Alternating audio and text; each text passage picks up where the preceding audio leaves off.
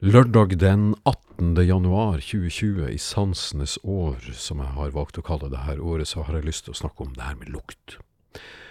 Og viktigheten av å ha luktesansen med seg når du skriver. Først så vil jeg ta deg med til Tøyen i Oslo. Ta TV-en til Tøyen, og så går du av på Tøyen stasjon, og så går du rett oppover. Der vil du finne en bensinstasjon. Jeg tror det er Shell som har stasjon der.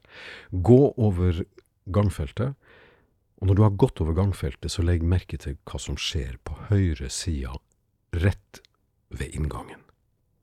På høyre sida så er det stedet der de oppbevarer gassflasker og sånne ting, og så er det en, en uh, avstand på ca. 15 meter derfra og til inngangen på stasjonen.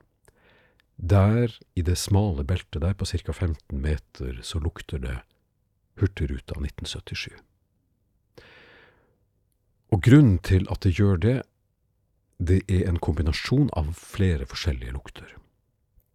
Først så er det lukten av diesel, eller solar, som det het før i tida, altså drivstoff til båter. Så er det lukten av stekte pølser. Og så er det lukten av et eller annet varmt som jeg ikke vet helt hva er. Men det kommer et eller annet sted fra, fra et åpent vindu eller noe sånt. På Hurtigruta i 1977 så kom den lukten fra de åpne vinduene fra byssa, når du gikk forbi på dekk. Og det her er helt sant. Det her er altså da lukten av Hurtigruta 1977 på Tøyen i Oslo, i nåtid. Og det altså, det, det, det, skjønner du bare hvis du har uh, helt vidåpne sanser og legger merke til det, det, som skjer. For i ytterkanten av de 15 meterne til høyre og til venstre, så er den lukten borte. Den finnes ikke lenger. Den finnes bare i det 15, ca. 15 meter lange beltet på høyresida. Jeg noterer veldig mye lukt. Akkurat nå så drikker jeg kaffe fra en kapselmaskin, og den kaffen den lukter eh, Ja, den lukter ganske skarpt, nesten litt sånn ubehagelig og varmt. Og jeg kan garantere at den lukta kommer til å forandre seg i løpet av den tida som jeg snakker.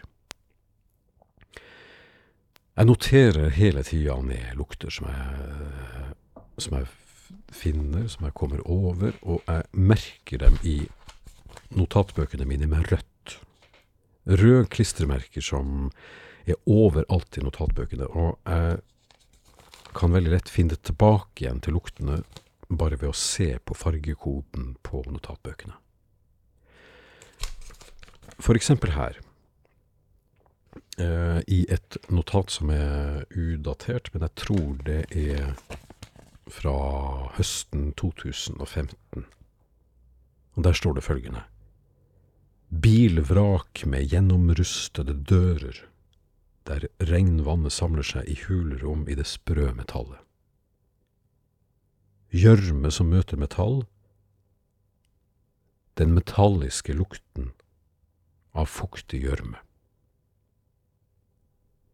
Hvis du eh, dekonstruerer det notatet, så er det flere lukter involvert her. Det er lukten av rust, det er lukten av regnvann.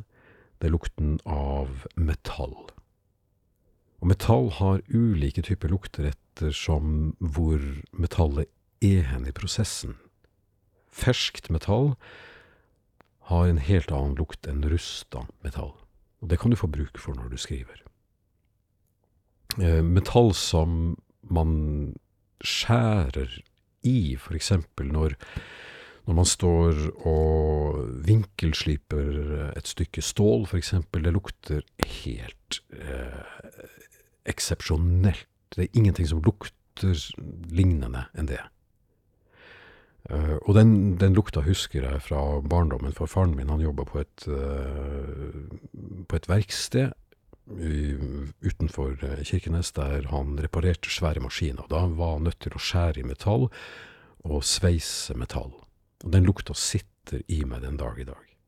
Så hvis jeg går forbi et, for et veiarbeidsområde der, i Oslo der de, der de f.eks. kapper uh, trikkeskinner, så kan jeg gjenskape stemningen fra 1975, bare ved å lukte på måten den dunsten av skjæring i stål treffer nesen min. Videre i det notatet så står det følgende, og da handler det mer om eh, en annen type lukt.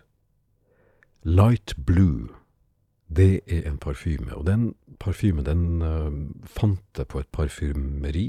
Eh, jeg går ofte rundt og lukter på parfymerier. Tar de her små papplappene med meg og merker dem med hva det er de lukter. Altså hva slags type parfyme det er.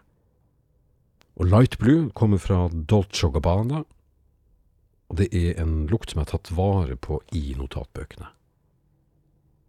Jeg har rett og slett bare tatt med meg den papplappen fra parfymeriet, lagt den i en plastlomme, og lagt den plastlomma bakerst i notatboka.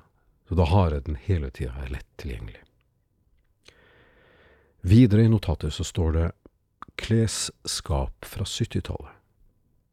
Og inne i et klesskap, enten det, altså det trenger ikke være fra 70-tallet, det kan være et hvilket som helst annet tiår. Da lukter det innestengt, og det lukter tøy, og det lukter uh, noe sånn veldig forgangent. Det kan lukte en sommerdag, det kan lukte en høstkveld, men det lukter veldig spesielt. Det får du bruk for når du f.eks. skal konstruere en, uh, en figur. Da kan du si at uh, han lukta som et gammelt klesskap. Og da sier det alt. Du trenger ikke skrive noe mer.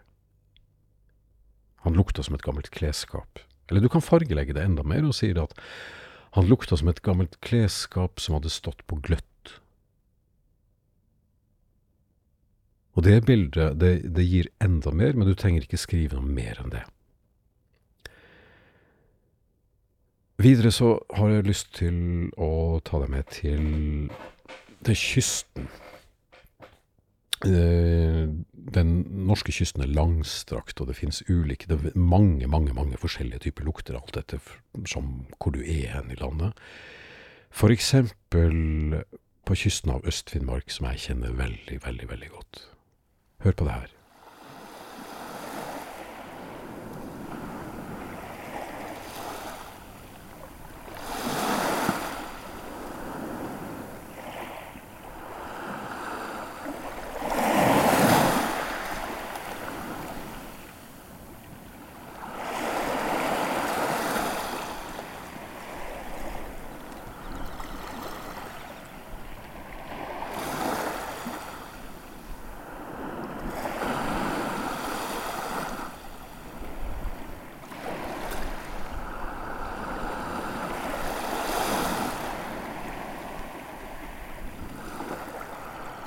Det her er lyden av Øst-Finnmark, helt nede ved Varangerfjorden. Helt, helt tett nede ved fjærsteinene. Der vil du finne en helt karakteristisk lukt, og den er bare der. Du kan, du kan, du kan kjenne den lukta igjen f.eks. på Vestlandet, på et, på et svaberg, på Sørlandet, men, men den vil alltid bare minne om den lukta som er helt nede ved Varangerfjorden. Den vil aldri være den samme. Og grunnen til at den aldri vil være den samme, det er at ethvert landskap har sitt eget Altså franskmennene kaller det for terroir. Og det er lukten og smaken av, ja, altså faktisk smaken av et landskap der vindruene vokser. Og den smaken og den lukten den endrer seg fra sted til sted. Den kan tilsynelatende virker veldig lik. Men det er alltid slik at ethvert landskap der vindruer vokser, har sitt eget terroir, som, som, de kaller det. Og sånn er det på kysten også. Og den lukten som er akkurat der du hører den fanga her, den er veldig iskald. For lukt kan være iskald, og den kan være varm. Og her smaker det Ja, jeg har smakt på det sjøvannet. Jeg har bøyd meg helt ned og smakt veldig klart og tydelig på sjøvannet. Det smaker Altså, det smaker både erotisk, det smaker uh, tørt, og det smaker ikke minst uh, søtlig salt. Det høres ut som en veldig merkelig formulering, men det er det. Det er en veldig søtlig saltsmak av arktisk sjøvann. Så det her var altså da leksjon én i lukt. Og det kommer mere. Ha en god lørdag, og lukt mye.